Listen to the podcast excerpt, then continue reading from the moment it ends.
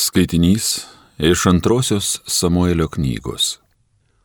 Dovido vyrai pamatė apšalomą, jojantį ant asilėno. Prabėgant asilėnui pro didelį ažuolą, apšalomas galva užkliuvęs už jo šakų, pakibo tarp dangaus ir žemės, o jo asilėnas nubėgo. Kažkas tai pamatė ir pranešė Joabui. Mačiau apšalomą ant ažuolo kybant. Joabas paėmęs tris jėtis, sudūrė krūtinin apšalomui, kuris ažuole dar gyvas kabojo. Dovydas sėdėjo tarp dviejų vartų, o žvalgas buvo užkopęs ant vartų stogo aukščiau sienos. Jisai pasižvalgęs pamatė ateinantį vieną vyriškį. Paskui atėjo kušitas ir tarė, mano valdove karaliau, teikis išgirsti gerą naujieną, kad viešpat šiandien atstatė teisybę akivaizdoje visų, kurie buvo prieš tave sukilę. Karalius paklausė Kušitą. Kaip sekasi jaunuoliui apšalomui? Kušitas atsakė. Taip kaip tam jaunuoliui, tiesiseka mano šeimininko karaliaus priešams, visiems, kurie turėdami piktų kėslų buvo prieš jį sukilę. Tada karalius silvartingai susigūžė palipo į viršutinę vartų patalpą ir pravirko. Vaitodamas jis kalbėjo, mano sūnau, apšalomai, mano sūnau, mano sūnau apšalomai, o kad aš būčiau miręs vietoj tavęs apšalomai, mano sūnau, mano sūnau, ir buvo pranešta Joabui. Karalius verkė, jis gedė apšalomo. Taip tą dieną pergalė virto gedulu visiems kariautojams, Kadangi tą dieną kariūnai išgirdo, karalius liūdė savo sūnaus. Tai Dievo žodis.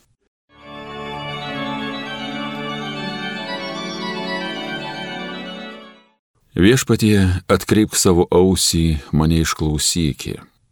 Viešpatie kreipk savo ausį, mane išklausykė. Aš vargšas beturtis, saugok mano gyvybę, aš tau atsidavęs Mano Dieve, gelbėki tarną, kuris tavim vilės. Viešpatie, atkreipk savo ausį, mane išklausyki. Viešpatie, manęs pagailėki, be paliovos į tave aš šaukiuosi, tu savo tarno sielą palinksmink. Į tave, o viešpatie, keliu savo dvasę. Viešpatie, atkreipk savo ausį, mane išklausyki. Viešpatie, tu meilus maloningas ir gailestingas visiems, kurie tavęs šaukės. Viešpatie, mano maldos paklausykė, pasidomėkė, ko garsiai maldauju. Viešpatie, atkreipk savo ausį, mane išklausykė. Alleluja,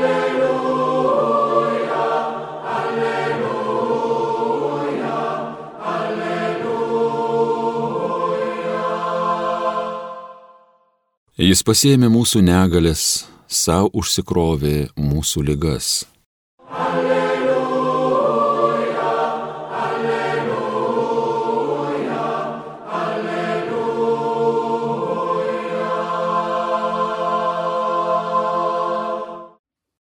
Viešpats su jumis. Iš Evangelijos pagal Morku. Jėzui persikėlus valtimi į kitą ežero pusę, susirinko prie jo didžiulė minė ir sulaikė jį paežerėje. Šitą ateina vienas iš sinagogos vyresniųjų vardu Jairas ir pamatęs jį puola jam po kojų ir karštai maldauja. Mano dukrelė miršta, ateik ir uždėk ant jos rankas, kad pagytų ir gyventų. Jėzus nuėjo su juo Iš paskui sekė gausiminė ir jį spauste spaudė. Ten buvo viena moteris jau 12 metų serganti kraujoplūdžių. Nemažai iškentėjusi nuo daugelio gydytojų ir išleidusi visą, ką turėjo, ji niekiek nepasitaisė, bet dar ėjo blogin ir blogin. Išgirdusi apie Jėzų, ji prasiskverbė prominę ir iš užpakalio prisilietė prie jo apsausto Matys savo kalbėjo, jeigu paliesiu bent jo drabužį, išgysiu.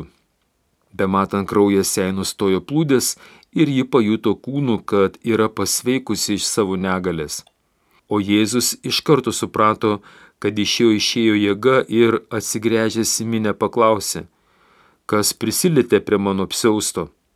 Mokiniai jam atsakė, pats matai, kaip minė tave spaudžia ir dar klausi, kas mane palėtė. Bet Jėzus tebasidairė tos, kuri tai buvo padariusi. Moteris išėjo į priekį, išsigandusi ir virpėdama, nes žinojo, kas jai atsitiko. Ir puolusi prieš jį ant kelių papasakojo visą teisybę. O jis tarė jai, dukra, tavo tikėjimas išgelbėjo tave, eik rami ir būk išgyjusi iš savo lygos. Jam dar tebe kalbant ateina sinagogos vyresnio žmonės ir praneša tam, tavo duktė numirė, kam be gaišini mokytoje.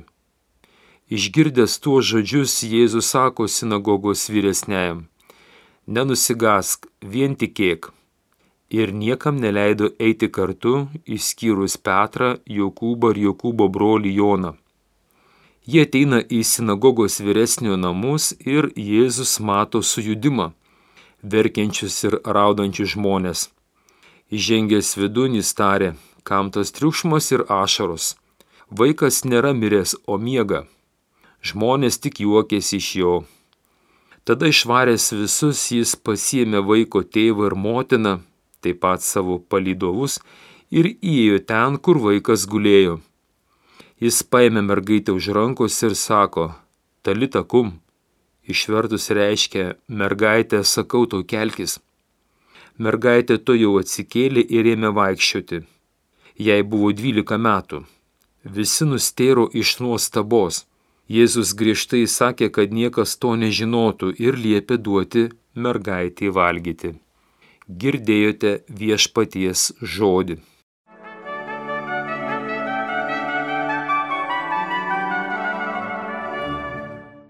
Pasakojimas apie Kafarnaumo sinagogos vadovo Jairo dukros prikelimą iš mirties užrašytas Morkaus Evangelijos penktame skyriuje 22-43 eilutės, taip pat ta pati istorija užrašyta Evangelisto Luko 8 skyriui 40-56 eilutės ir Mato Evangelijoje 9 skyriui 18-26 eilutėje šiek tiek skiriasi, nes Morkaus ir Lukas aprašo įvykį, kad sinagogos vyresnysis ateina ir puola Jėzui po kojų, prašydamas, kad jo 12 metų dukrelė išgydytų, pakeltų, nes ji dar gyva, bet jau merdėje, būtina skubėti negalima laukti. Būtinumas ir įtampa laiko atžvilgių labai didelis. O štai Matas savo Evangelijos 9 skyriaus 18 eilutėje aprašo, kad šis sinagogos vyresnysis nebeturi kur skubėti, nes pats praneša, jog jo 12 metų dukrelė mirė ir kviečia be ypatingo streso skubėjimo ateiti ir uždėti ant mirusios mergaitės savo ranką, kad ji atgytų, prisikeltų. Morkus ir Lukas to įvykio patys nematė, o Matas yra gyvas liudininkas, kaip buvo iš tiesų. Kaip ten bebūtų vienas faktas, kad mergaitė iš ties mirė Jėzus ją stebuklingai prikėlė ir šioje istorijoje turime laimingą pabaigą. Tikėjimas Jėzumi Kristumi gydo, išgelbsti ir prikelia net mirusius. Šių trijų evangelistų - Morkaus, Luko ir Mato, dar kitaip vadinamų sinoptikų istorinio įvykio aprašymas yra paskatinimas mums klausytojams nepatingėti nuolat tikrinti faktus bei šaltinius. O jeigu tikriname Biblijos faktus, tai kaip atsakingai turėtume vertinti žiniasklaidos arba VBS informaciją, kad nesuklaidintume savęs ir tų, kuriems skelbėme gerąją naujieną. Grįžkime prie Morkaus Evangelijos versijos. Jėzus paklūsta sinagogos vyresnio prašymui ir eina paskui jį. Svarbi detalė.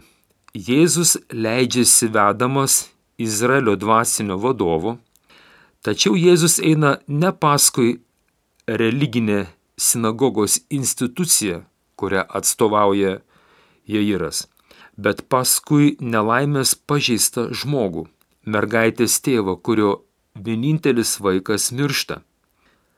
O po Jėzaus užtrukimo su kita ligonė, minioje galiausiai sugniušta, gal net ir jo paskutinis tikėjimas, pažeistas blogos naujienos, tavo dukrelė mirė, nebevargink mokytojo, grįžk prisijung prie mūsų logiško tikėjimo, jog mirę žmonės nebeprikeliami.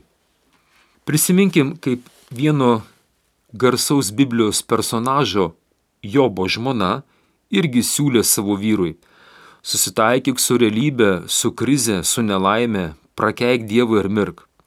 Tikriausiai taip ir būtų pasielgęs tiek Senojo testamento Jobas, tiek Naujojo testamento mergaitės tėtis Jeiras, jeigu ne vienas mažas bet. Dievas vis dar eina kartu su mumis. Taip, dekoracijos pasikeitė, fonas, apšvietimas, muzika, nuotaika, emocija pasikeitė, bet ne Dievo žodis. Dievo žodis yra tas pats vakar, šiandien ir per amžius. Jėzus drąsina, nenusigask, vien tikėk. Mano teisusis gyvens tikėjimu. Tikinčiam Dievu nėra negalimų dalykų. Šiandien Lietuvai pasauliui kaip niekad reikia nuolat ir nuolat girdėti šią gerąją naujieną. Broliai seserys, kad ir kas gyvenime benutiktų, kad ir kaip mokslas ar protingi pasaulio žmonės bekalbėtų, bandytų tau primesti savo netikėjimą, niekada nepasiduok. Eik su Jėzumi iki galo, eik iki pat morgo, iki laidojimo namų, iki akmens užrytinimo ant kapų angos. Ir nenustok kalbėti tikėjimo žodžius. Jei tik Jėzų paliesiu, išgysiu. Jei tik Jėzus palies mano dukrelę, ji prisikels. Kartok ir nenustok kalbėti Dievo žodžius užrašytus Biblijoje ir pamatysi stebuklą. Sėkmės. Būkite palaiminti.